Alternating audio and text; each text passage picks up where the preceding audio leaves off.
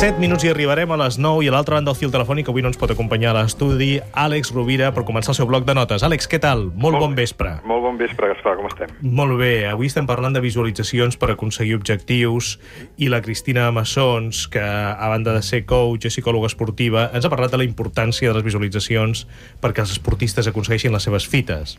Uh, I aquí, bé, en, aqu en aquest aspecte només podem parlar clar i català, perquè realment al final, després de sentir la Cristina, un arriba a la conclusió que l'objectiu visualitzat, que visualitzar l'objectiu és imprescindible. Eh? Què en penses, Àlex? A partir de tot el que he escoltat del programa, que m'ha semblat molt, molt interessant, tres idees, bàsicament, molt senzilles. Una sobre l'inconscient, l'altra sobre la suggestió, o autosuggestió, i l'altra sobre la tercera, sobre la percepció selectiva.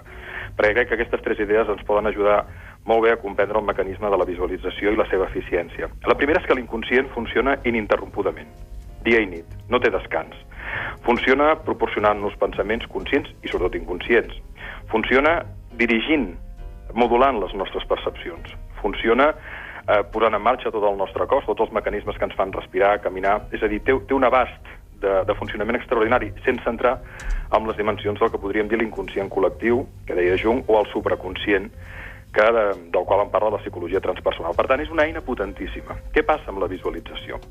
Amb la visualització es posen en marxa dos mecanismes. Un, el de la percepció selectiva. La nostra percepció tendeix a veure allò que reforça el nostre marc de referència, les nostres creences. Nosaltres, si pensem que la gent és bona, tendirem a tenir una actitud i a trobar-nos amb persones que ens respondran bé, però si anem pel món pensant que ens volen prendre el pèl o que ens volen estafar, doncs probablement trobarem. És a dir, les profecies, l'efecte Pigmalió, tendeixen a autocomplir-se.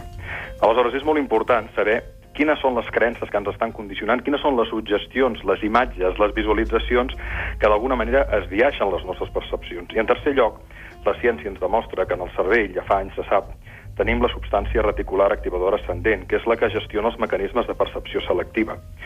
Si tu vols muntar un negoci sobre una activitat determinada i tens una visió del teu projecte, et passarà que aniràs pel carrer o per una llibreria, o et trobaràs amb algú o navegaràs per internet, i la teva percepció tendirà a trobar aquelles informacions que estan d'acord amb aquella visió que tu has definit.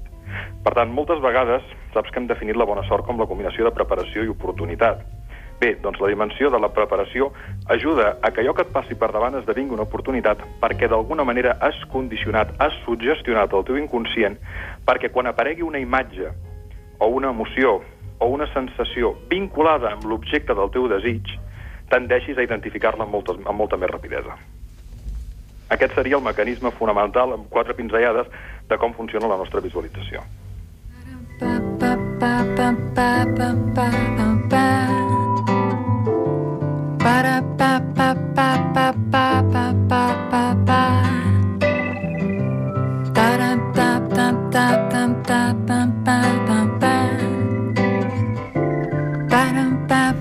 Recordo que alguna vegada en aquest bloc de notes l'Àlex Rovira ens ha parlat de els estudiants que a la llarga aconsegueixen els seus propòsits, la visualització d'aquell qui volen ser i jugava un paper important, i recordo que també un dia ens parlaves de també ser capaços de visualitzar els obstacles que es trobaran en el camí. Sens dubte, sens dubte. De fet, um, i això ens porta a una, a una dimensió que és el, el sentit de realitat i l'optimisme Martin Seligman, que durant molts anys va estar al degà del Col·legi de Psicòlegs dels Estats Units i un dels pares de la psicologia positiva, és a dir, ell va començar a estudiar les dimensions psicològiques positives de l'ésser humà, no des de la patologia, sinó quin impacte té la confiança, quin impacte té el compromís, quin impacte té la fe o l'esperança o, o l'optimisme. I les seves conclusions eren determinants. No? Les persones que tenen un sentit clar de realitat però que a la vegada són optimistes eh, treuen molts millors resultats i a més explica molt més bé els resultats l'optimisme i el sentit de realitat que no pas el quocient intel·lectual. Aleshores, és molt important que dintre d'una visualització, dintre d'un projecte, això vagi acompanyat de perseverança. Hi ha una fórmula molt senzilla que ens agrada utilitzar conceptualment, que, és, que diu imaginació per desig i per D igual a realitat. La realitat es construeix, podríem dir, combinant aquestes dues dimensions. Si tu vols canviar la teva realitat, cal que tinguis una visió, un propòsit, però cal que l'empenyis amb la força del desig.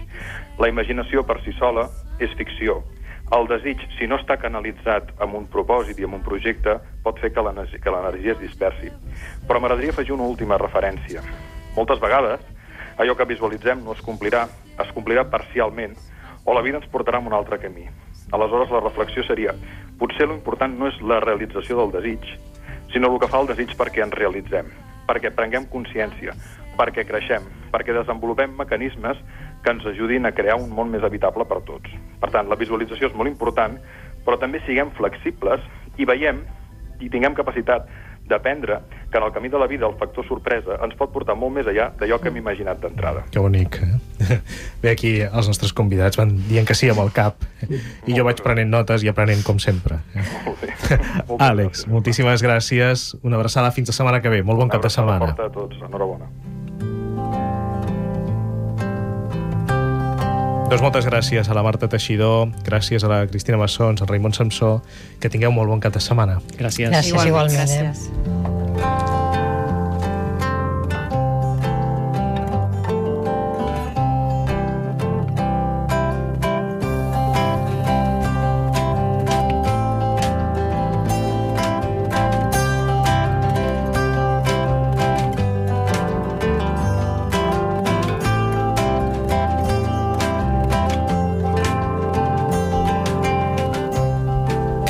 Acabem amb el camí cap a la felicitat, segons Montaigne, amb el qual hem tancat l'ofici de viure aquesta setmana, que sobre la vida va escriure el meu ofici i el meu art és el de viure. He dedicat tots els meus esforços a formar la meva vida. Vet aquí el meu ofici i la meva obra, va escriure Montaigne. El món no és més que un perpetu gronxador, tot i és en moviment constant. La mateixa constància no és sinó un moviment més lànguid. El món, va escriure Montaigne, no és més que una escola de recerca. No importa qui assolirà l'objectiu, sinó qui farà les més belles curses.